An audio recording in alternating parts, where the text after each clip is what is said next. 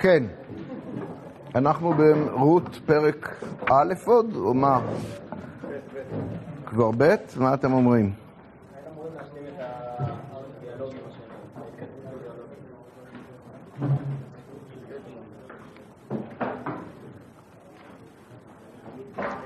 טוב.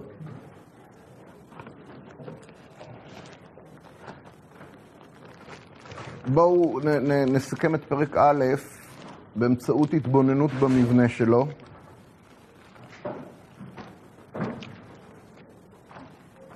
תחלקו את הדף הזה.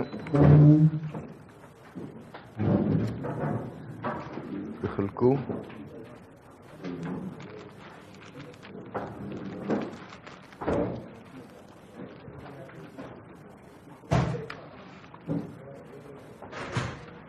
שלום.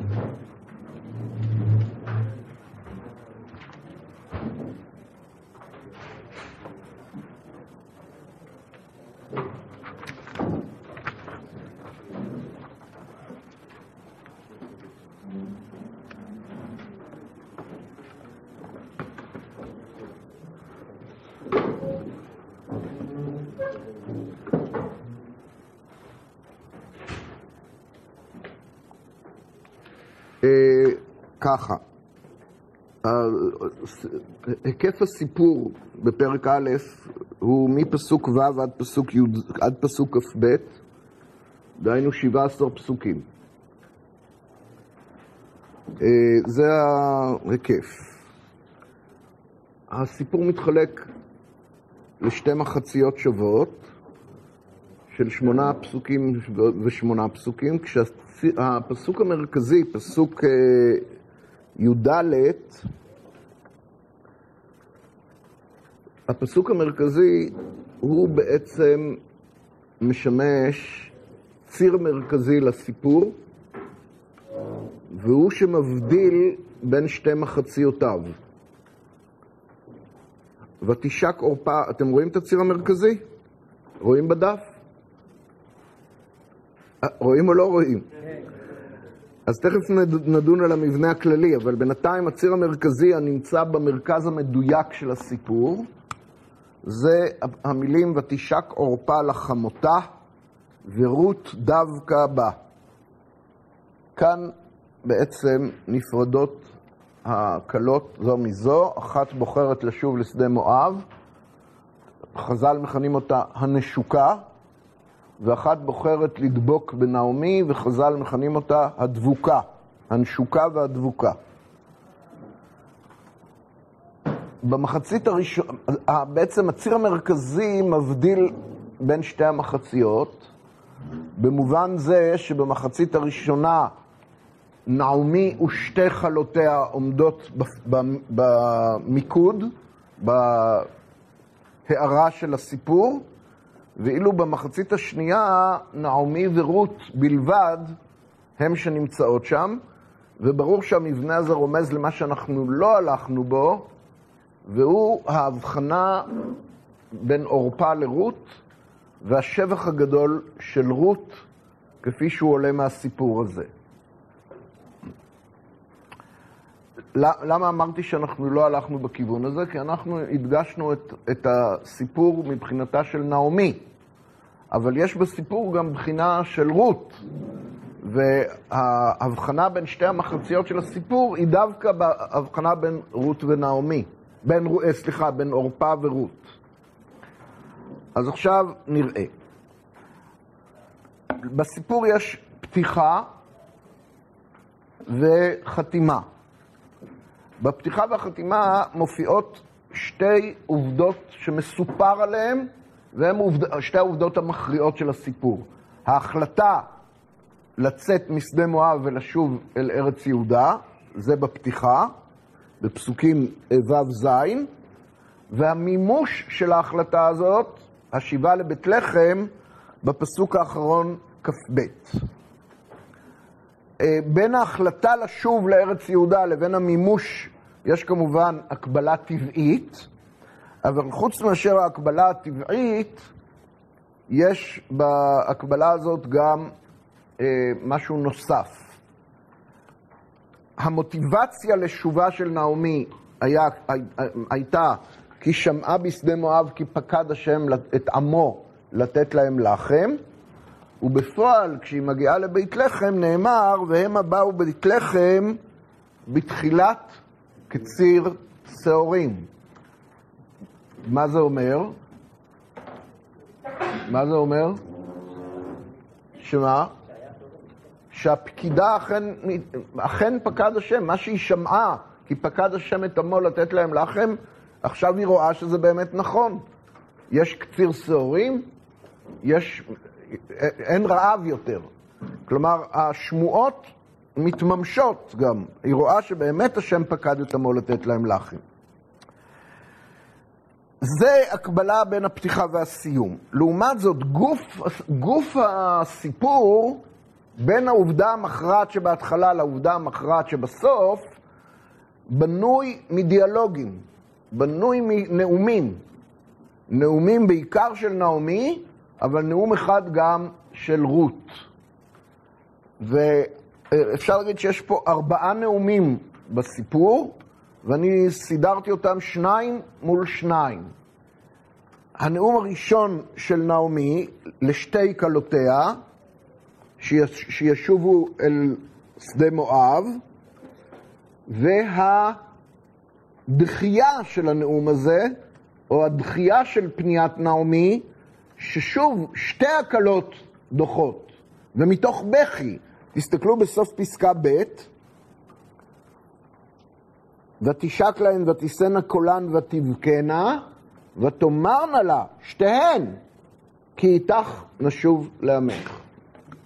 מכאן שעורפה איננה רק אדם רגיל, היא אדם מעל הרגילות. עצם העובדה שהיא החליטה להצטרף לנעמי ולא להישאר במואב, מעידה עליה. אבל עכשיו אפילו שנעמי אומרת לה, כדאי לך לשוב, לשתיהן היא אומרת, כדאי לכם לשוב לשדה מואב, כי שם תמצאו בעלים, שם תוכלו לשקם את, את חייכן. גם עורפה מסרבת, היא מתוך בכי, ויחד עם רות שתיהן אומרות כי איתך נשוב לעמך. זה פסקה ב'. פסקה ג' זה הפצרה שנייה, נאום שני של נעמי שמפציר בקלות לשוב לשדה מואב, והפעם לא בצורה פוזיטיבית, בשדה מואב מחכה לכם פתרון, ומכלל להן אתה שומע לאו, בבית לחם לא מחכה לכם פתרון. בפסקה ג' נעמי כבר מפרשת באופן אה, אה, אה, נגטיבי, למה בבית לחם אין להם פתרון? כי הפתרון שלכן תלוי בי, אומרת נעמי, והשיבה שלי היא שיבה מאוחרת. אני כבר לא אשקם את חיי, אני כבר לא אתחתן ולא אביא לכם בנים, אז לא תתחתנו בבית לחם. גורלכם כמעט נחרץ לרווקות, לרווקות נצח. זה מה, ש... זה מה שהיא אומרת לשתי כלותיה. ושוב שתיהן בוכות כשהן שומעות את דבריה, כמו בסוף הדברים הראשונים. שם נאמר ותישאנה קולן ותבכנה, ופה כתוב בסוף הפסקה ותישאנה קולן ותבכנה עוד. אלא שכאן מתרחש המפנה, התפנית, עורפה שומעת להיגיון שבדברי נעמי, ועוזבת, ורות דווקא בה. המאמצים של נעמי ממשיכים גם במחצית השנייה של הסיפור. בפסקה ב' אחת, שהצבתי אותה אמנם מול פסקה ב', שוב פונה נעמי, הפעם היא פונה רק לרות, כי רק רות נשארה, אבל שוב היא אומרת לה לשוב לשדה מואב, פעם שלישית. ועכשיו יש לה גם תקדים שמחזק את, הדבר, את, ה, את הטענה. הנה שבה יבימתך אל עמה ואל אלוהיה, שובי אחרי יבימתך. אבל רות מגיבה בסירוב נחרץ, כשם שהיא הגיבה גם בפסקה ב' המקבילה. בפסקה ב' היא הגיבה בסירוב יחד עם עורפה. עכשיו היא צריכה להגיב בסירוב לבדה, עם התקדים של עורפה, זה מבחן הרבה יותר קשה, ובכל אופן, רות מסרבת. מסרבת לשוב לעמה. כך פנתה אליה אה, בעצם אה, אה, נעמי בפסקה ב', כשהיא אמרה לשתי כלותיה, מה, מה היא אמרה להם? לשוב לעמם, והם אמרו, לא, כי איתך נשוב לעמך. רות חוזרת על זה גם בנאום שלה בפסקה ב' אחת. איך היא אומרת, כי במקום את המילים כי איתך נשוב לעמך, מה היא אומרת? עמך עמי. אני שבה איתך לעמך, כי עמך הוא עמי.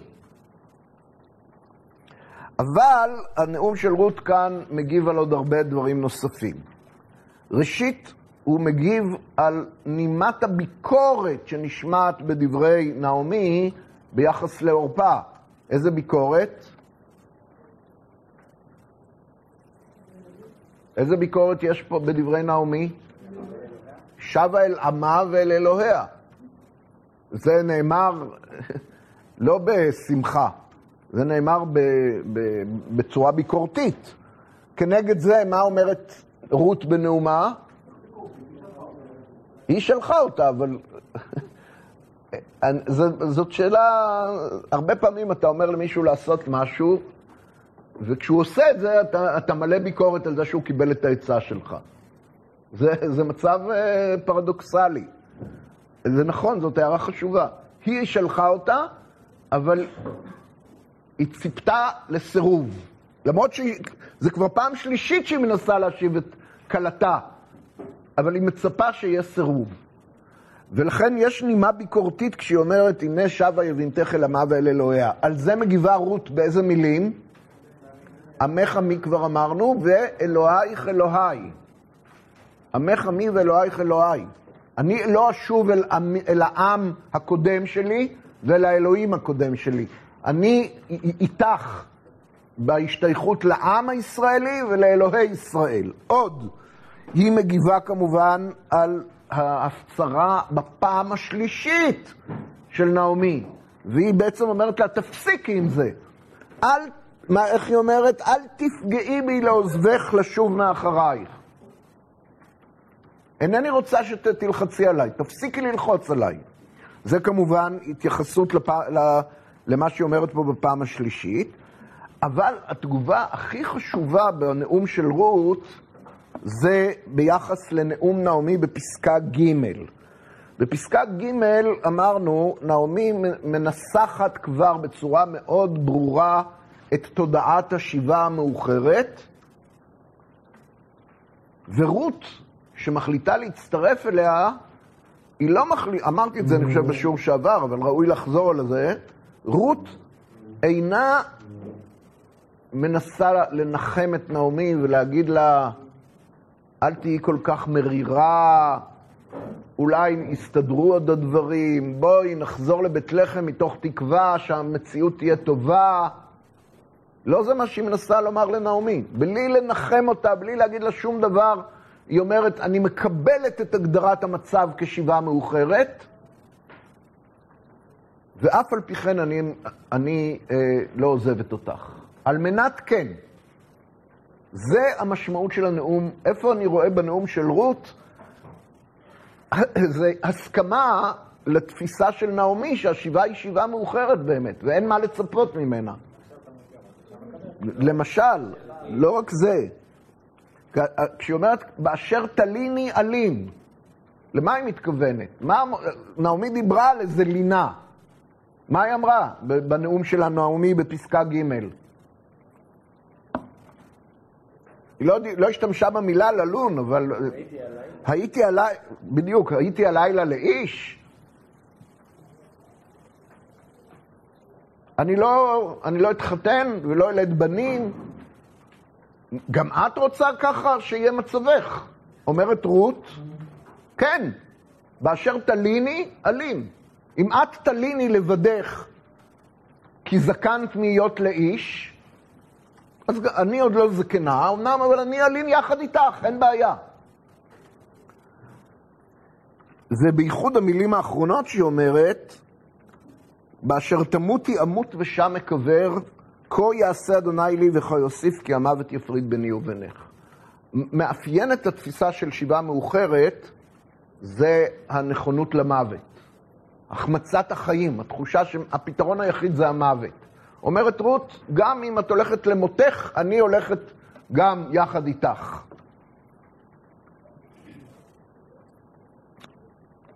אז פסקה ב' אחת היא באמת מהווה תגובה גם לדברי נעמי בפסקה הזאת עצמה, גם לדברי נעמי בפסקה ג' וגם לדברי נעמי לפסקה ב'. על כל דברי נעמי מגיבה רות בנאום שזהו הדיבור הארוך ביותר של רות במגילה כולה.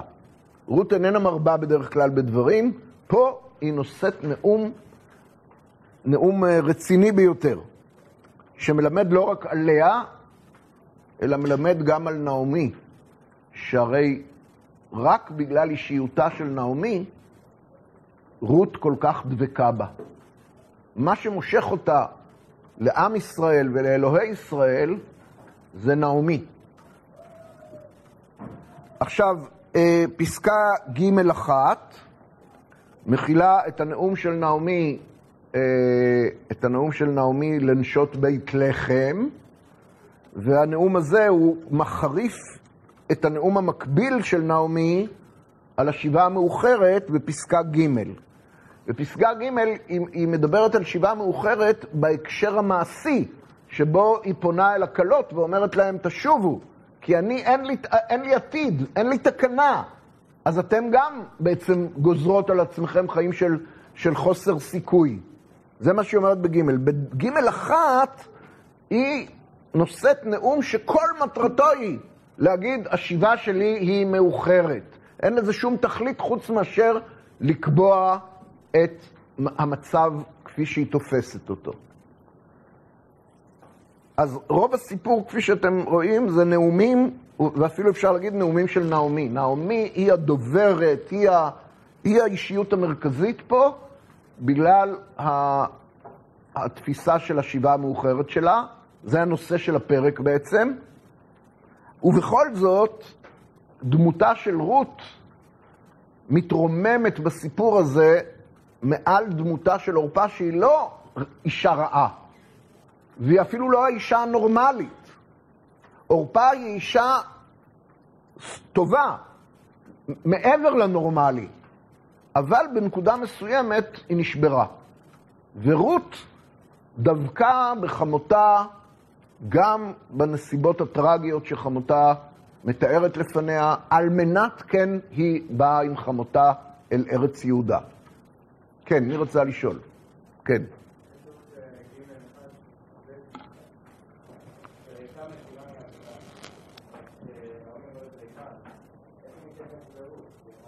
או, אז אני באמת רוצה כאן להגיד שני דברים, ובזה נעבור לפרק ב'. דבר אחד, זה ההתעלמות, בסוף פסקה ב' אחת נאמר, ותרא כי מתאמצת היא ללכת איתה, ותחדל לדבר אליה. עד מתי? עד פרק ב'. עכשיו, היא, היא לא מדברת איתה, אבל היא גם לא מדברת עליה. כששתיהן באות לבית לחם, היא לא טורחת להציג את רות בפני נשות בית לחם. בכל אופן, הן לא מכירות את, את רות. ראוי להגיד, מה היא עושה פה? מי היא? יתרה מזאת, כשהיא מתארת את מצבה כמי שהחמיצה את חייה, את השיבה המאוחרת שלה, ואומרת, ריקה משיבני השם, היא מתעלמת מזה שהיא לא באה ריקם. היא באה עם רות. ורות לא באה הנה אלא על מנת לדבוק בנעמי, שלא תהיה בודדה ולנחם אותה בימיה הקודרים עכשיו. והיא לא מתייחסת לזה. ריקה משיבני השם, כאילו אין רות לצידה.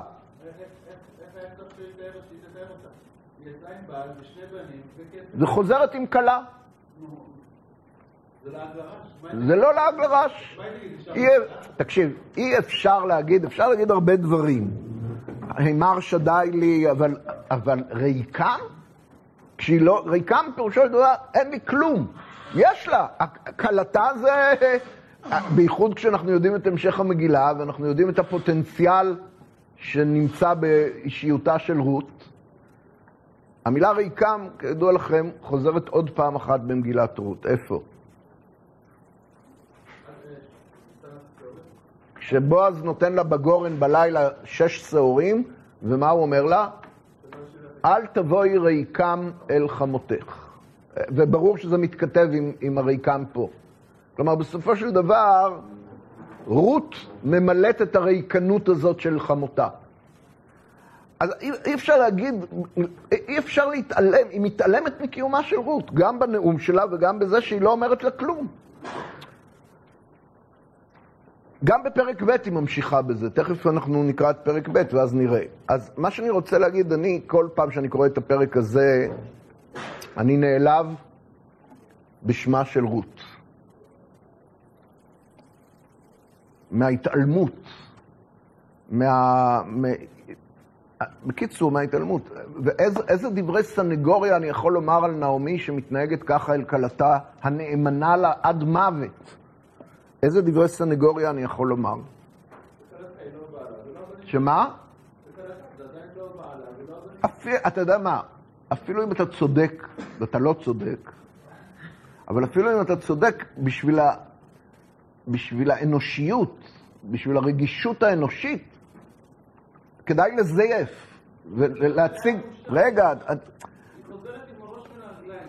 היא עזבה אותה במצב הכי קשה שעוד היה לה. היא הייתה מעדיפה להיכנס כשאף אחד יראה אותה. מה עכשיו תביאו תתחיל איתה בדיבור, טוב, תכירו, הילד התחתן איתה ונמצא. לא, אותה. אוקיי, אז אלה דברי סנגוריה שאני אנסח אותם קצת בצורה שונה. המצב הנפשי של נעמי, איך תגדירו אותו?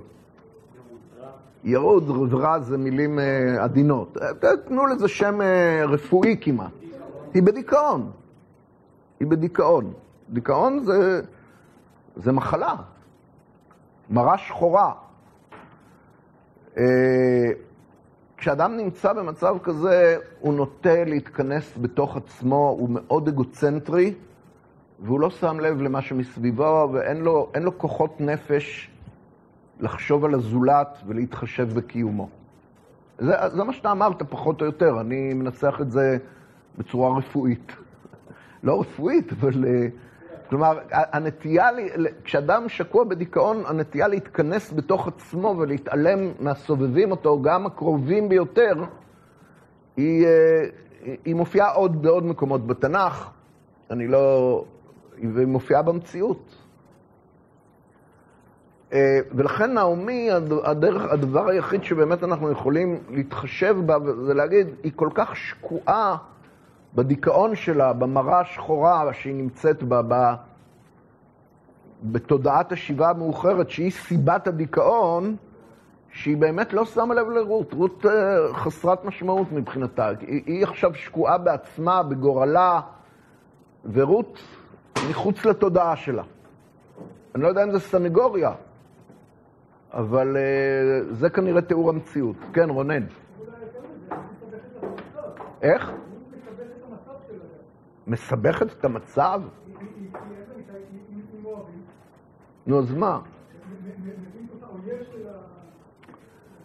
אה, תראו, קודם כל, תוציאו מפה את כל ההדים של עימות ושל בעיות אה, לאומיות ובעיות, זה לא, אין במגילה הזאת שום רמז לבעייתיות מיוחדת בזה שרות היא מואביה. זה הכל מדרשים. אה, מדרשים זה לא פסול, אבל במקרה הזה הם רחוקים מפשוטו של מקרא. זה דבר אחד. דבר שני, היא לא מסבכת שום דבר. רות, אם היא מסבכת את עצמה, היא מסבכת, לא את נעמי. אבל להפך, מבחינת נעמי, היא לא לבד. היא לא נמצאת לבד בבית, היא, היא לא... היא, יש, יש לה עוד נפש. זה, זה משנה מאוד את המצב. אבל כשאדם שקוע בעצמו, אז זה לא עוזר לו שיש עוד מישהו בסביבתו. הוא לא שם לב אליו. זהו. עכשיו בואו נסיים את הפרק חזרה אל החתימה. החתימה, אני אמרתי את זה אולי בשיעור שעבר, אבל שוב, לא נורא אם אני אחזור על כך עוד רגע. בחתימה של הסיפור נרמז לקורא שני דברים. א', נעמי באמת לא לבדה, מה שאמרנו עכשיו. באמת יש נפש לצידה. הייאוש שלה לא לוקח בחשבון את זה שהיא לא שבה לבד, אלא בפועל, ותשב נעמי, ורות המואביה חלתה עימה השבה משדה מואב. גם רות שבה, ושבה בפני עצמה אגב. זה דבר מדהים.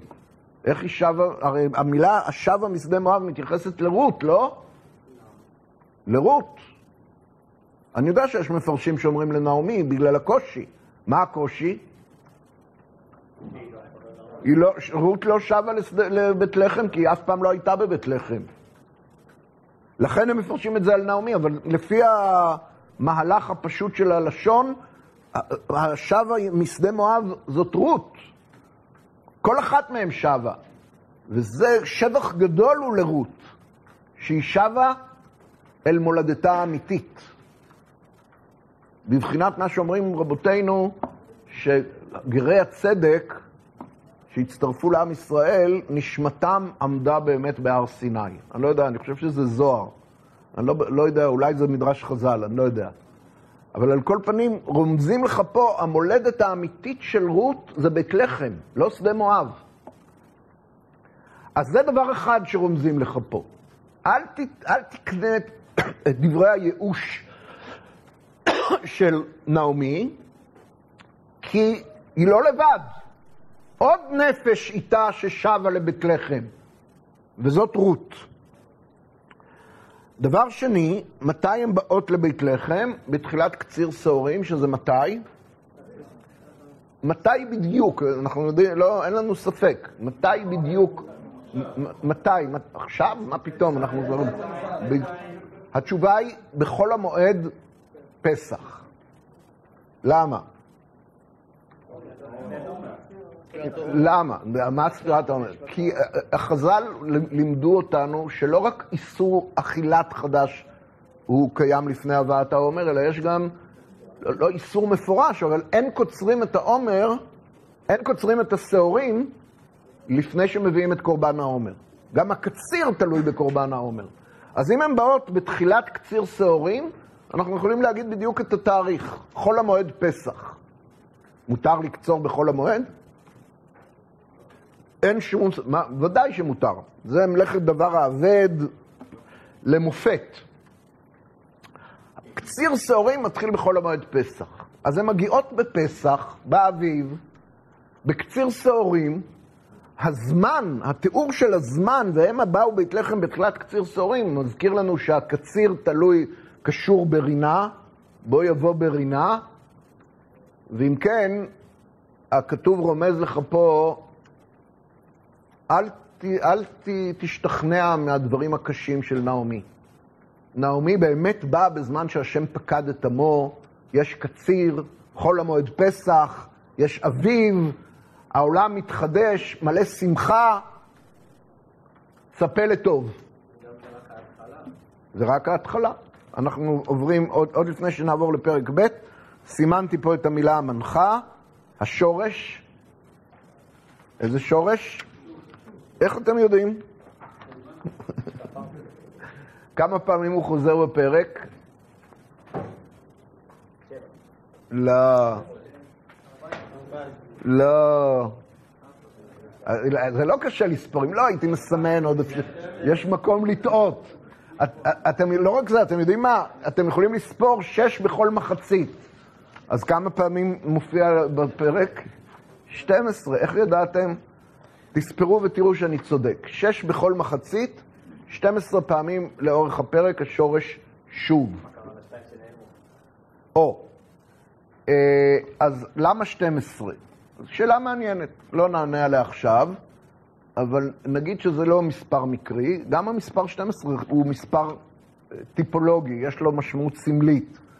הוא הרבה יותר נדיר מאשר המספר שהוא שבע או כפולות של שבע, ולפעמים גם המספר עשר, שהוא מספר עשרוני שלם, הוא טיפולוגי, אבל גם המספר 12 הוא מספר שיש לו משמעות בהקשרים שונים. למשל, בפרשת המרגלים, בפרשת שלח, השורש לטור חוזר 12 פעמים, התרים את הארץ. למה? הם היו 12, 12 תרים את הארץ. 12 שבטים השתתפו בסיפור הזה. טוב, נעזוב את זה. רק, אני רק רוצה להעיר לכם, המילה שוב, לשוב, היא מילה מנחה, ברור, כי זה הנושא של הפרק אמרנו, מהו? השיבה המאוחרת, אבל זה לא מדויק. השיבה שמדובר עליה פה, זאת השיבה לא רק לבית לחם, אלא גם לשדה מואב. והשאלה שמתעוררת פה כשאתה בוחן את השורש שוב, מי שב ולאן הוא שב? נעמי שבה באופן חד משמעי רק למקום אחד. לאן? לבית לחם. אבל לגבי רות ועורפה, יש ספק. נעמי אומרת להם לשוב לשדה מואב, והן אומרות לא, איתך נשוב לעמך. ויש התלבטות, ובסוף, בציר המרכזי, יש פרשת דרכים. עורפה שבה אל עמה ואל אלוהיה, ורות שבה, לאן? כמו שכתוב בפסוק האחרון, היא שבה לבית לחם. אז זה הנושא, מי שב ולאן הוא שב. זה הנושא של הפרק. אנחנו עוברים בשעה טובה לפרק ב'.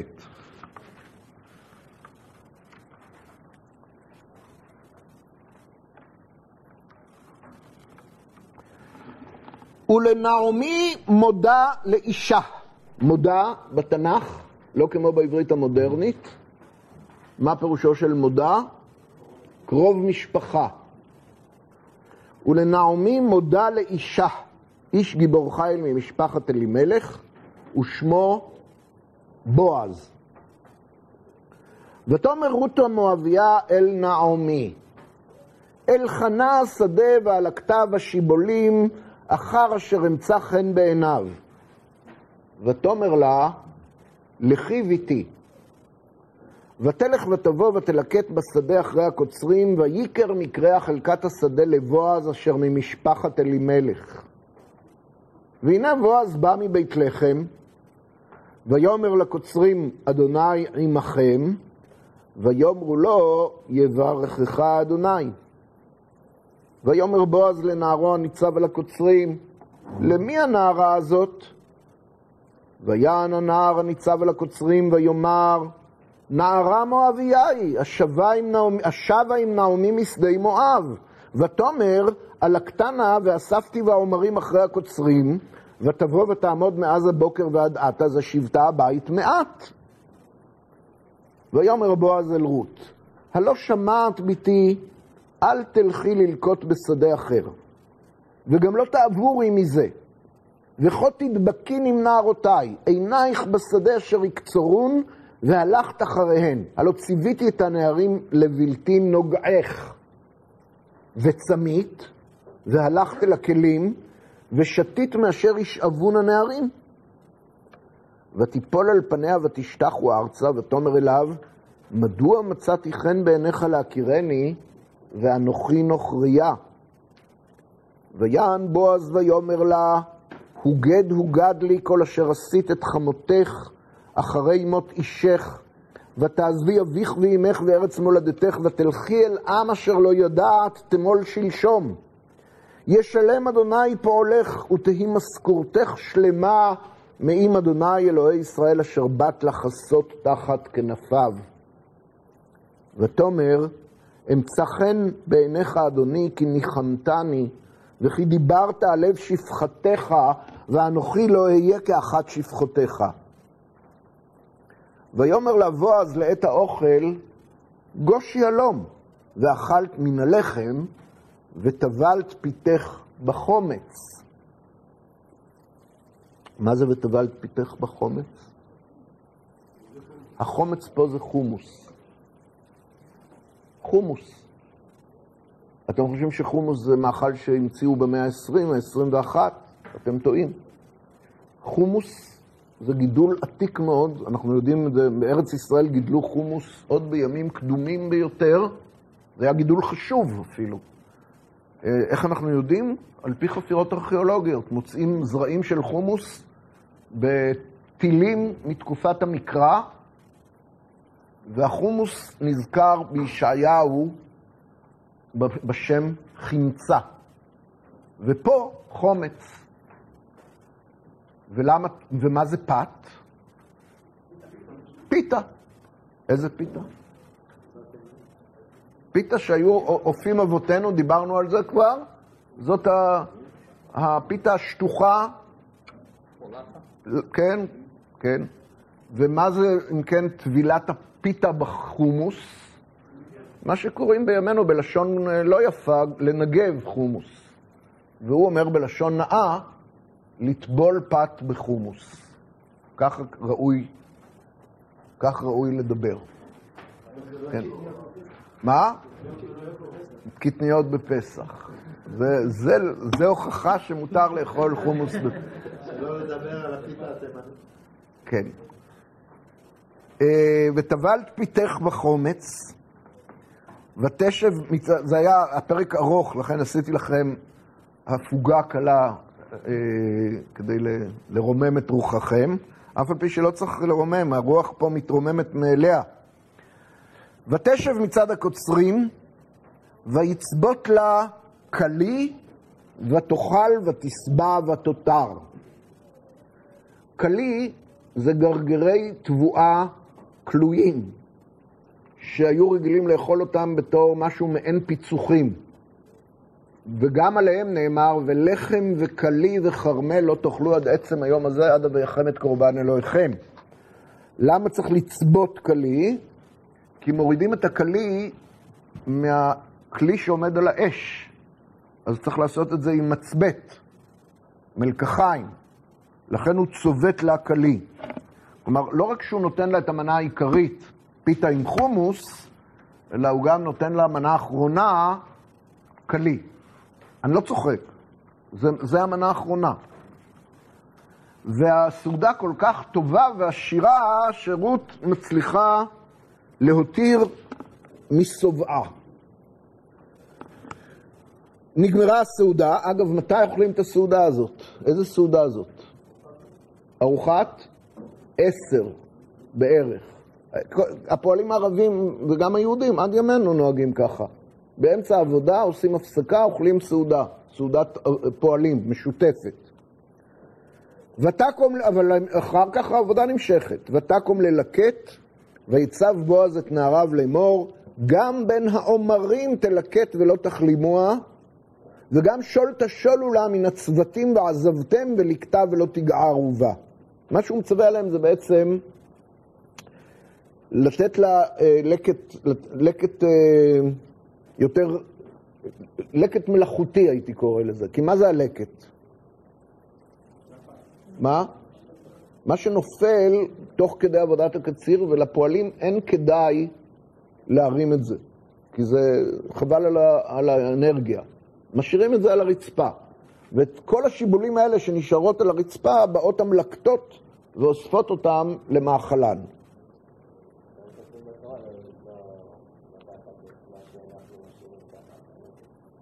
זה ברור, זה מצווה מן התורה, ברור.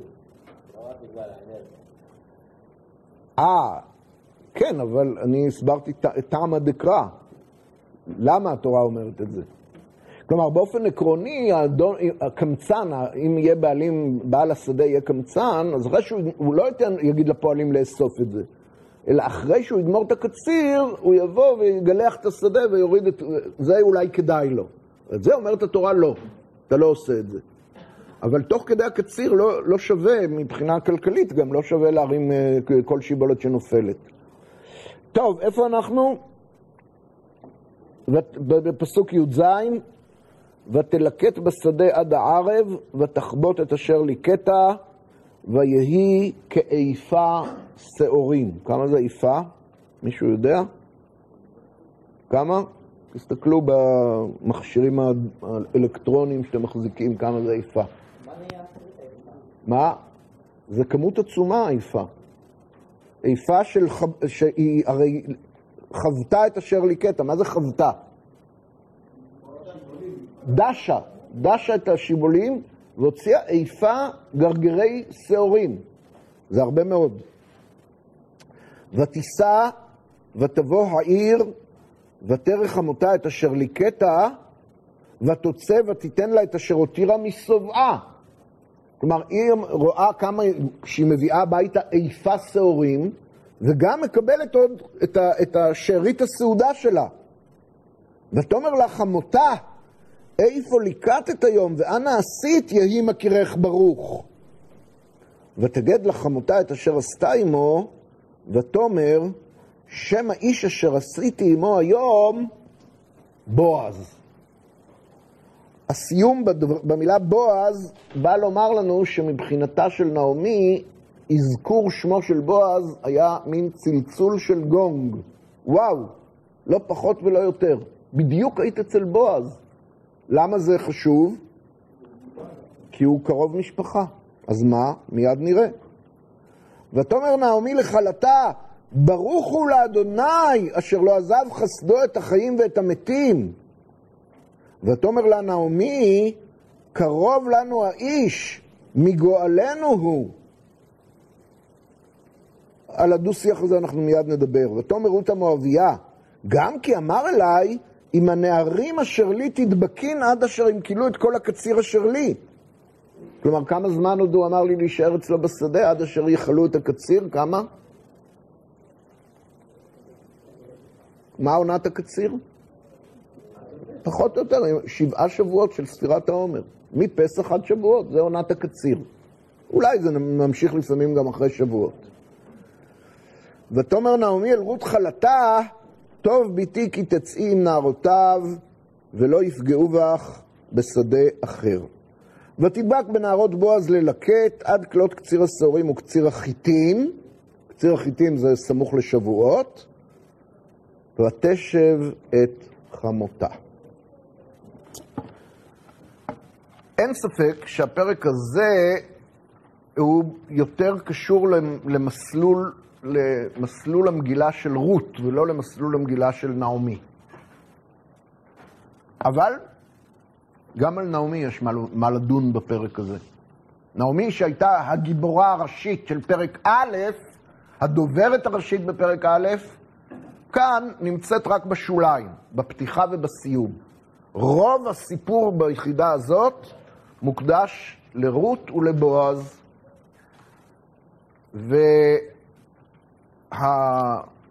והדיאלוגים, השיחות, המעשים כולם נקשרים בפרק הזה לעונת הקציר ולמוסד הלקט, שהוא אחת ממתנות העניים. מה התפקיד של הלקט בסיפור הזה? מה, מה, יש לו איזה תפקיד אה, לקדם את העלילה? אני אתחיל הפוך. תסתכלו כמה פעמים השורש לקות מופיע פה. יפה מאוד. מי אמר 12? פרויקט השו"ת. אוקיי.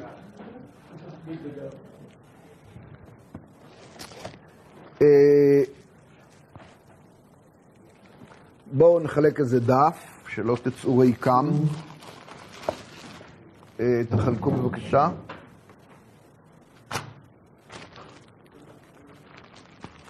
תחלקו.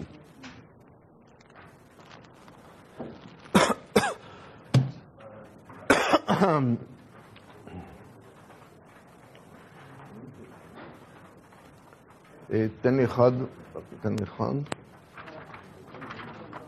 כן.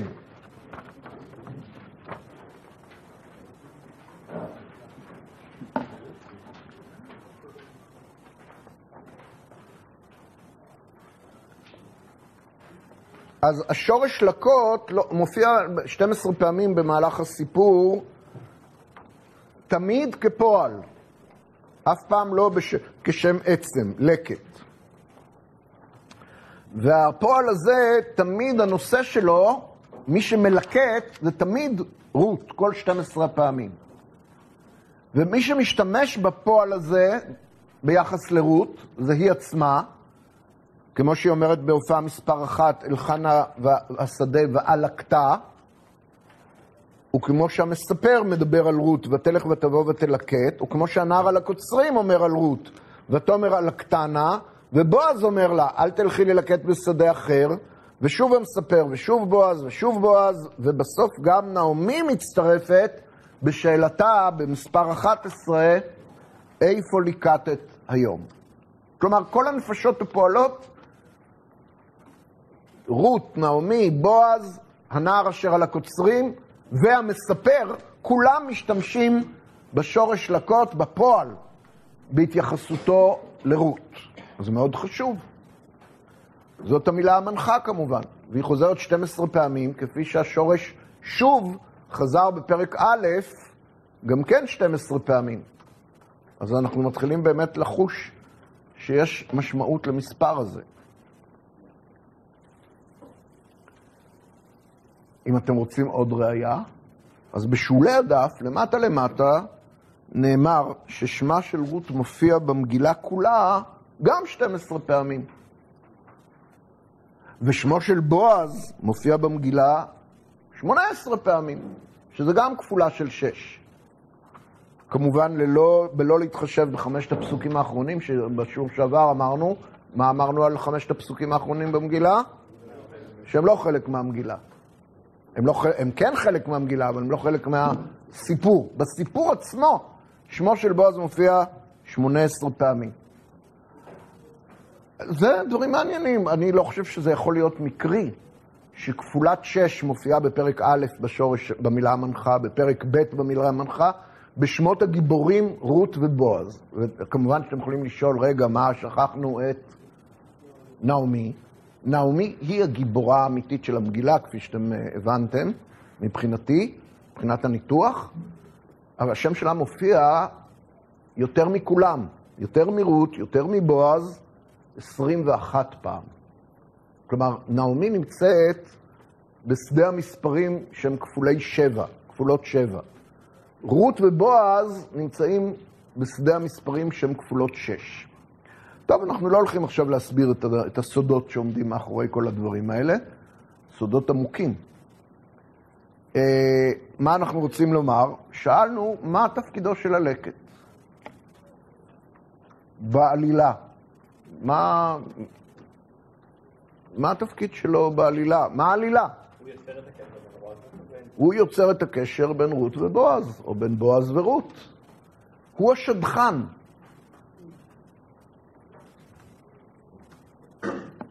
כן, כשזוג נזכר בעברו, והם שואלים, איפה הדייט הראשון שלנו היה? והתשובה היא, בלובי של איזה מלון. אה. איפה הדייט הראשון של בועז ורות היה? בשדה הקציר, סביב או בהקשר למצוות הלקט, למוסד, למוסד החברתי של הלקט. ולא רק הדייט הראשון, אלא גם השני והשלישי והרביעי. עד, עד 50 דייטים, עד 49 דייטים, לא, תורידו שבתות ושבתות. כלומר, הם נפגשו שם בעונת הקציר תקופה ארוכה ונחשפו זו לעיני זה וזה לעיני זו, ומה שאנחנו מקבלים זה רק את הדייט הראשון. וממנו אנחנו יכולים לגזור מה היה למחרת ומה היה לאורך כל התקופה. זה תפקיד מאוד חשוב, כי המגילה הולכת להפוך את בועז ורות למשפחה, וכאן נוסדת המשפחה. ואתה שואל את עצמך, האם מתנות עניים זה המקום המתאים לזוג להיפגש, כשהגבר הוא הנותן והאישה היא המקבלת, זה לא משפיל קצת, זה לא, זה לא מתאים ל, ל, לפתח יחסים רומנטיים בין גבר ואישה, כשהיחסים הם של נתינה חד צדדית. השאלה ברורה. זאת הסיבה שזוגות הולכים להיפגש בלובי של מלון, ולא לא ביד שרה, אני יודע. השאלה ברורה או לא ברורה? לא ברורה. לכאורה, היחסים פה הם יחסים של נתינת צדקה וקבלתה. במערכת יחסים של נתינת צדקה לעני, אז יש עשיר ויש עני, יש מי שנותן ויש מי שמקבל, וזה חוסר שוויון מאוד גדול, וזאת גם תחושת השפלה, הרי בגלל זה יש לנו מתן בסתר. אז זה, זה הסיטואציה שבה צריכים להתפתח מערכת יחסים בין גבר ואישה, שבסופו של דבר יקימו משפחה. למה? אוקיי, אז זה, זאת השאלה, זאת השאלה, אין כאן סימטריה, זה לא... אם, זה, אם התפקיד של הלקט זה להיות השדכן, אז זה, זה לא שדכן מוצלח כל כך. זאת הטענה, זה בדיוק הטענה. מה זה קשור? א', איזה עולם מכרו נשים? מה... אתה, איפה מכרו פה נשים? על מה אתה מדבר? לא מקבל. אבל... מי אומר? מי אומר שהוא לא מבוסס על רומנטיקה? בגלל מה מתחתנים בסוף אם לא בגלל רומנטיקה? טוב, אנחנו עוד נדבר על זה, זה נושא חשוב. בינתיים אנחנו רוצים שיתפתחו יחסים שיבשילו לנישואים, לא? זה המטרה. האם המטרה הזאת מתאים להשיג אותה על רקע מוסד חברתי שיש בו אה, כזה חוסר שוויון וכזאת השפלה בעצם? אז אה, מה אתה רוצה לענות, כן? אפילו, אפילו. זה לא ייבום.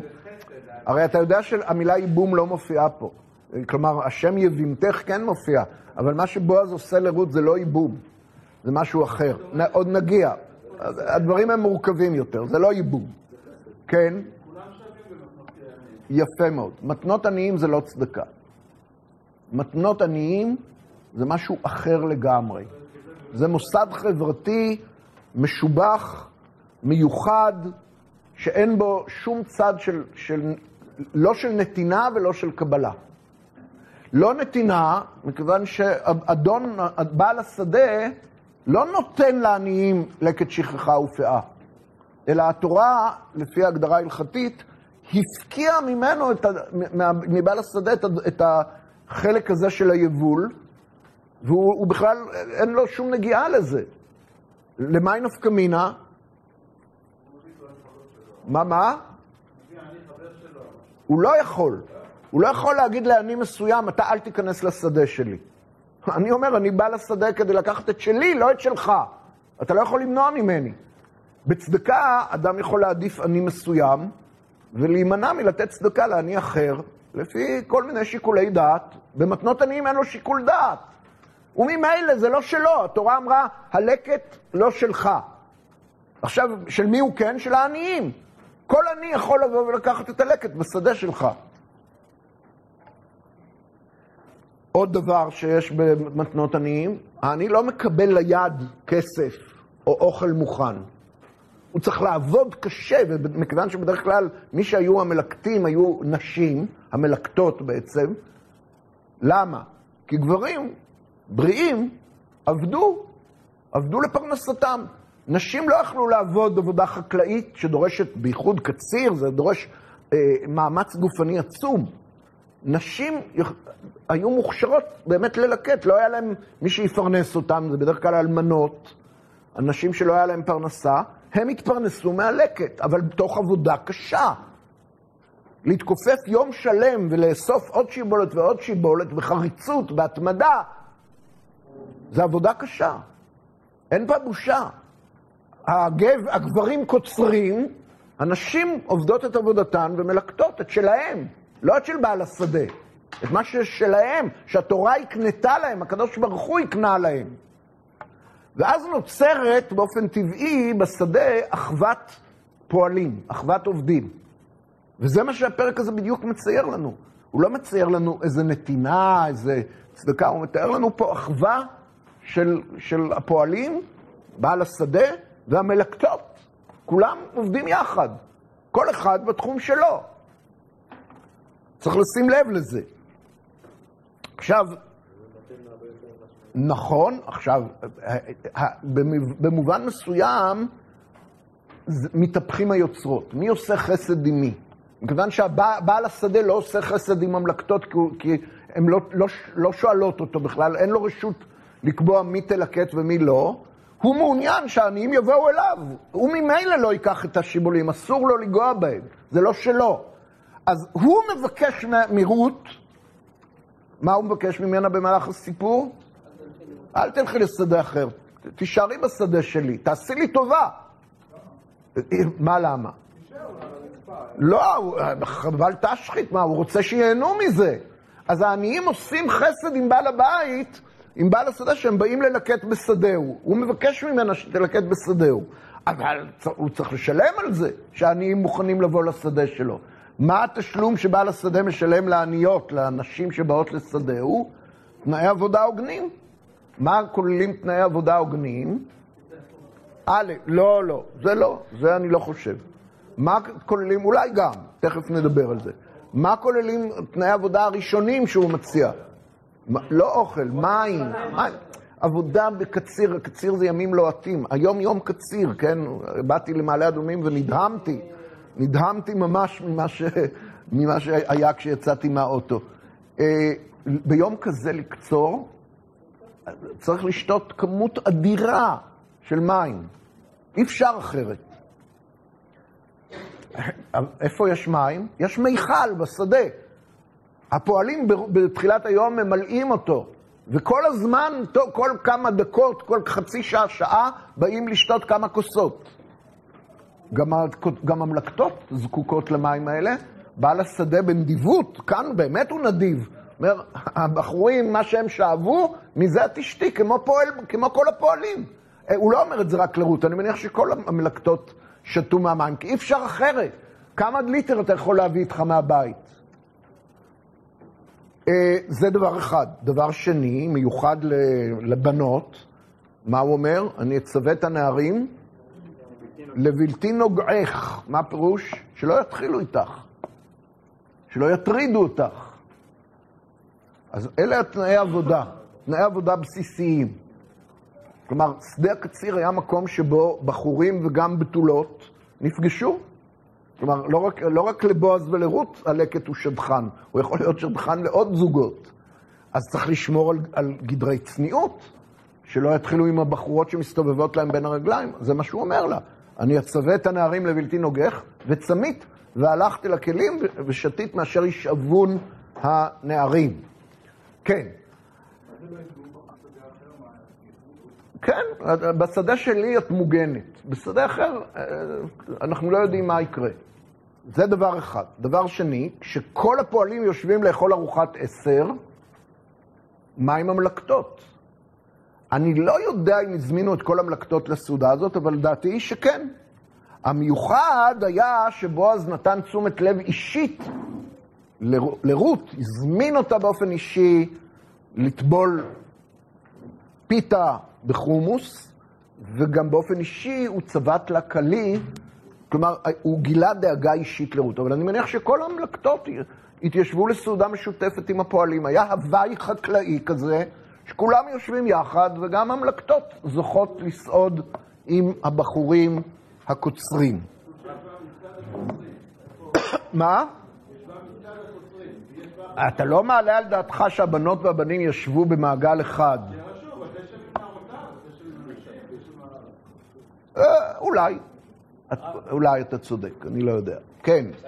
בדיוק המטרה של לא להתחיל עם יחסי השפלה מול רות, הוא הופך אותה לאחת הקוצרות, לפועלת, הוא נותן לה מעמד של פועלת בשדה, כדי שלא תרגיש... אני לא חושב, אבל אני חושב שזה נכון ביחס לכל המלקטות, כן?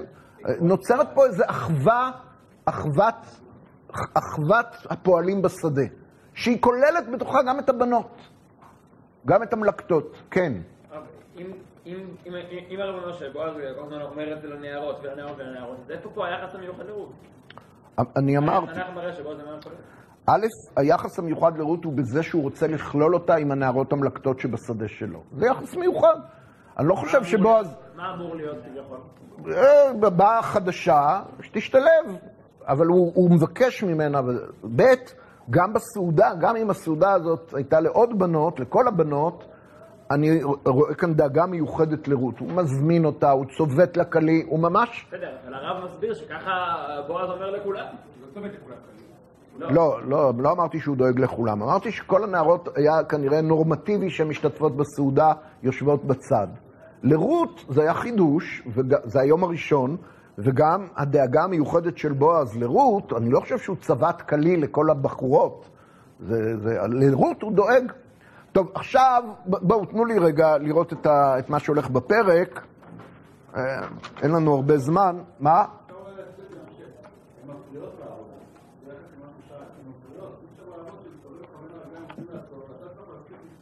ולכן... אם הוא יגיד שבעבודות יום-יום, כשאתה מקבל איזה עבודה מסוימת, שבא לך אנשים שאתה צריך, סוג של צדקה באמצע, שאתה צריך לעשות כתוב ולתת להם, זה מפריע במהלך העבודה.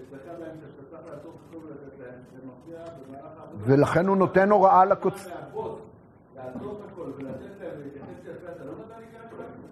אז זה בדיוק, הוא אומר את זה לנערים באמת. תנו לה להסתובב בין העומרים ולא תחלימוה.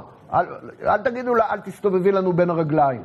כן. רק על מה שהרב אמר, שכאילו אין אין פה חסד, אלא שבועז רוצה את האינטרס, אני לא לא הבנתי איך היא. מה השאלה?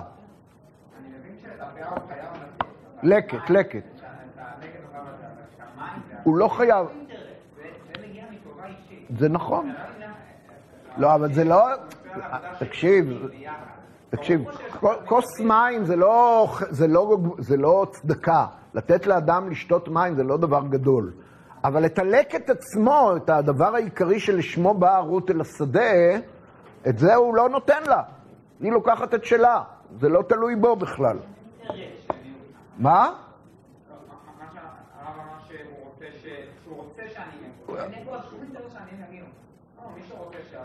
נכון, בסדר, אבל כיוון שהוא לא, לא ירוויח מהלקט הזה שום דבר ממילא, אז יש לו אינטרס שבאמת העניים יבואו אל השדה שלו וימצו את הלקט הזה ויקחו את כל מה שיש. אני לא טוען, זה מה שנראה פה. טוב, בקיצור, אני רוצה לשאול בסדר, מה, מה, איך הלקט הזה מציג את דמותו של בועז לעיני רות? מאה אחוז. נדיב, רגיש, הכל. תכונות נפלאות של בועז מוצגות לעיני רות. מה, איזה, מה, מה עוזר הלקט כדי להציג את דמותה של רות בעיני בועז? בלי נעמי, נעמי זקנה כבר, אין לה, אין לה כוח לעמוד ש... יום שלם בשמש.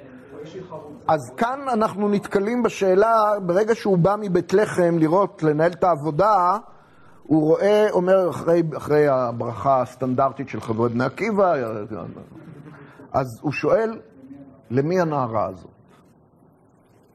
וחז"ל תמהים על השאלה. ושואלים, וכי דרכו של בועז להישאל בנשים? מה, מה פתאום הוא שואל עליה? אני נפגשתי לה בפעם הראשונה עם המשפט הזה, דרכו של בועז להישאל בנשים, כשהייתי בחור בשיעור א'. עד אז לא הכרתי את הדברים האלה של חז"ל. והנסיבות היו כדלהלן. ישבתי בשיחה אישית עם ראש הישיבה, המשגיח של ישיבת הכותל, הרב הדרי, זיכרונו לברכה. שוחחנו, אני כבר לא זוכר על מה שוחחנו. בקיטון, היה לו קיטון בקצה בית המדרש. פתאום נכנסת נערה תמירה, גבוהת קומה, מדברת איתו על הא ועל דא ועוזבת.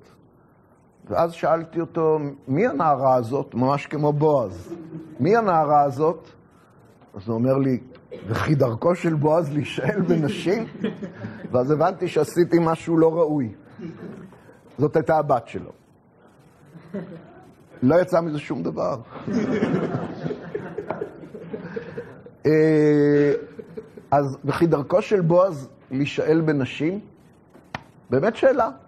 בועז אדם מבוגר, נשוא פנים, איש מכובד. מה הוא מתעניין באיזו אישה שמופיעה לו בשדה? יש מישהו שרוצה לענות? מה?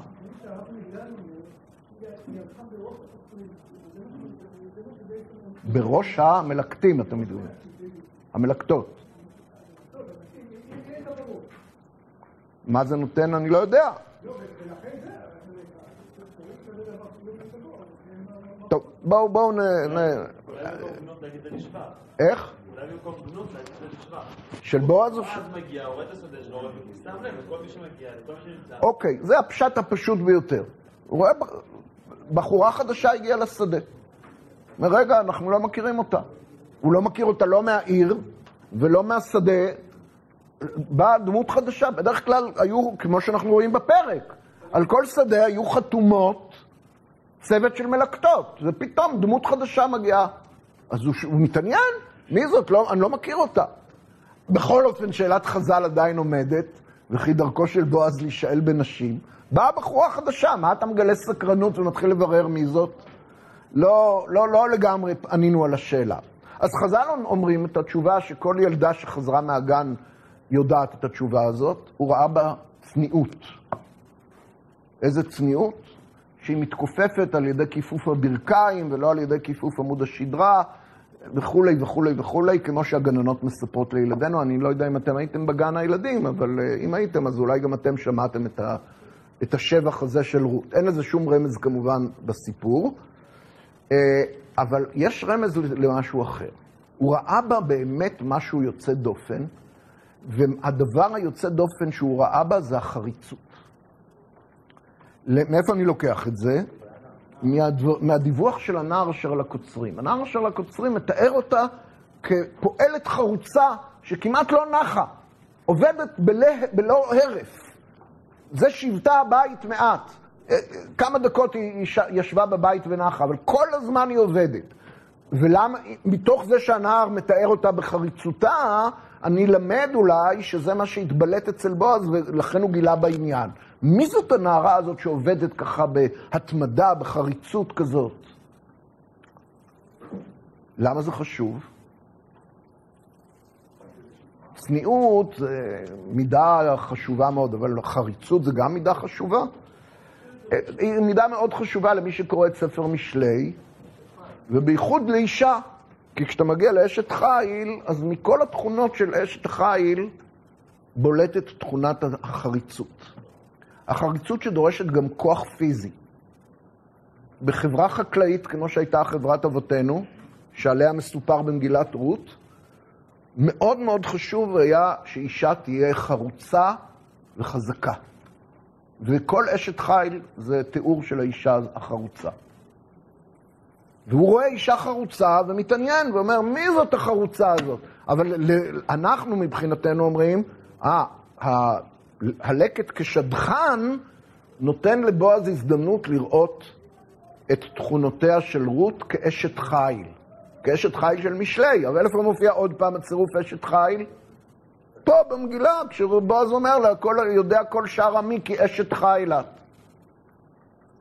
אז חשוב מאוד, כל, כל אחד רואה את התכונות החשובות לשידוך שמתרקם פה בשדה. אה, תראו, הפרק, בנ... עכשיו עוד דבר. מתברר מהפרק שבועז יודע מי זאת רות. כלומר, הוא לא יודע לזהות אותה. הוא לא מכיר אותה, את פניה הוא לא ראה. אבל כשאומרים לו מי זאת, אז הוא יודע בדיוק מה הסיפור שלה. איפה זה מתברר בפרק? הוא גד וגד לי. כלומר, כשהיא אומרת לו, למה, כשהוא עושה לה, עוזר לה, והיא אומרת לו, מדוע מצאתי חן בעיניך להכירני ואנוכי נוכריה? מתפלאת על היחס לאישה נוכריה. הוא הופך את הדברים שלה על פיהם, ואומר לה, כן, את נוכריה, אני יודע, הוא גד וגד לי את אשר עשית את חמותך, ותעזבי את אביך ואת אמך ואת ארץ מולדתך, ואת... ישלם השם משכורתך, ישלם השם פועלך ותהי משכורתך שלמה מעם אדוני אלוהי ישראל אשר באת לחסות תחת כנפיו. הוא יודע מי זאת. הלקט רק מציג אותה פיזית לפניו. את, את האישיות הוא מכיר, את הערכתו למעשה הוא מביע. עכשיו הוא, הלקט גם מציג לפניו את הנערה שהוא שמע עליה, הוא גד וגד לי, שהוא שמע עליה משמועה.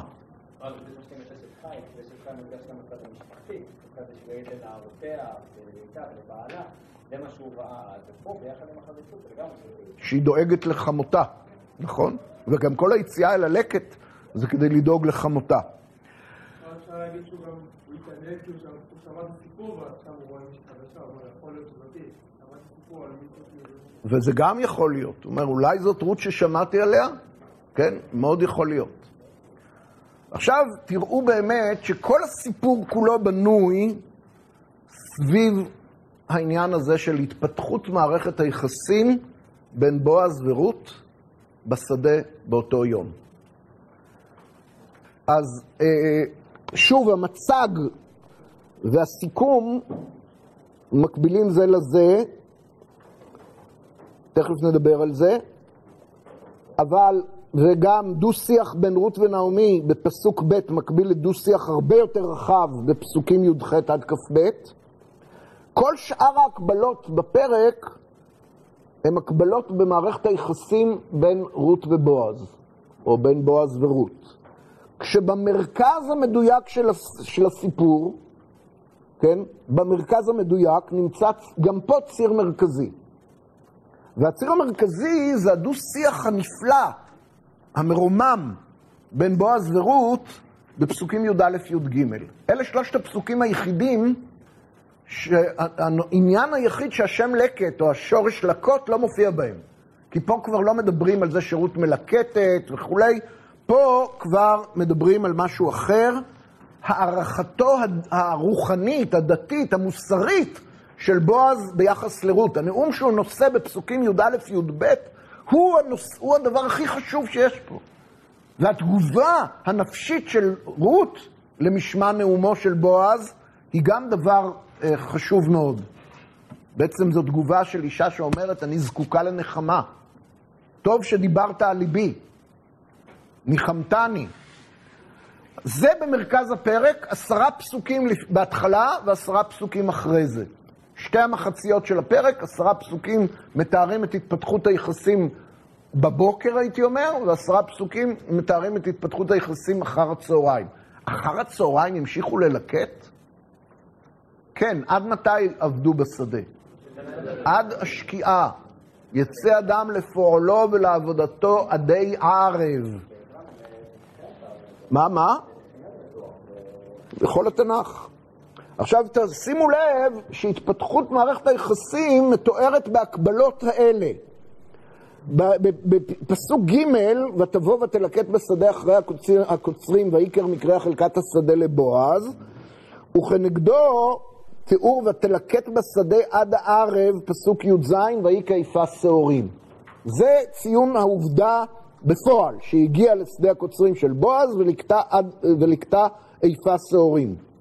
כנגד דו-שיח בועז והקוצרים והנער אשר על הקוצרים אודות רות, כשהוא שואל למי הנערה הזאת והוא מדווח לו מי זאת הנערה הזאת, כנגד הדו-שיח הזה יש דו-שיח שוב של בועז והקוצרים אודות רות, בפסוקים ט"ו ט"ז, ושם בועז נותן להם מה? הוראות איך להקל את הלקט על רות, להקל ואפילו להרבות את הלקט שלה. אבל זה כמובן שבמחצית השנייה זה הרבה יותר מתקדם מאשר במחצית הראשונה. במחצית הראשונה הוא רק מתעניין ברות. במחצית השנייה הוא כבר, בדבריו אל הקוצרים, דואג לה. אחר כך יש לנו דו-שיח של בועז ורות, כשהוא מיטיב עם רות ונותן לה תנאי עבודה הוגנים, שהנערים לא יתחילו איתה, ושאם היא תהיה צמאה תשתה מים ממה שהנערים שאבו. והפסקה המקבילה זה, זה מה? שוב בועז מיטיב עם רות, אבל הפעם זאת הטבה הרבה יותר משמעותית. איך? בפסקה המקבילה במחצית השנייה, הוא נותן לה אוכל, הוא דואג למאכלה, משתף אותה בסעודת הקוצרים, צובט לה כלי, חומוס, פיתה, כל מה שדיברנו. כלומר, יש כאן מקבלות מאוד מדויקות, הסיפור הזה בנוי ממש בצורה מדהימה, כשבמרכזו הנאום של בועז. תראו רבותיי, כמו שאמרנו בפרק הקודם שהוא כולו טרגי, אבל כשאנחנו מגיעים לסוף, לפסוק האחרון בפרק א', מה נרמז לנו? מה נרמז לנו? שיש תקווה לאחריתך. בפרק הזה בדיוק הפוך. כולו רומנטי, כולו רומז לאיזו התפתחות עתידה של מערכת יחסים רומנטית בין בועז ורות, והסיום שלו מאכזב מאוד. כלה הקציר, נגמרו, נגמרה תקופה של קרוב לחודשיים, ומה הסיום, המילים האחרונות של הסיפור? ותשב את חמותה. רות חוזרת לשבת בבדידותה אצל חמותה, והשידוך לא עלה יפה, ואנחנו מאוד מאוד מאוכזבים. וכדי לצאת מהאכזבה הזאת, אנחנו צריכים לבוא לשיעור הבא. אפשר להרחיב מילה אחת, שהיא פתאום נופלת על פניה אחרי שהוא אומר לה, תשתי נערותיי, לבד תבואי לאכול, פתאום יש לה התפרצות רגשות, עד כדי כך שהיא נופלת, כי מסוף הפרק, מאמצע הפרק הקודם שהיא אמרה לנעמי מה שהיא אמרה לה, באשר זה כסף וכולי, ונעמי לא עמדה לה והגיעה לעיר, היא לא הכירה אותה, והיא אמרה לה איך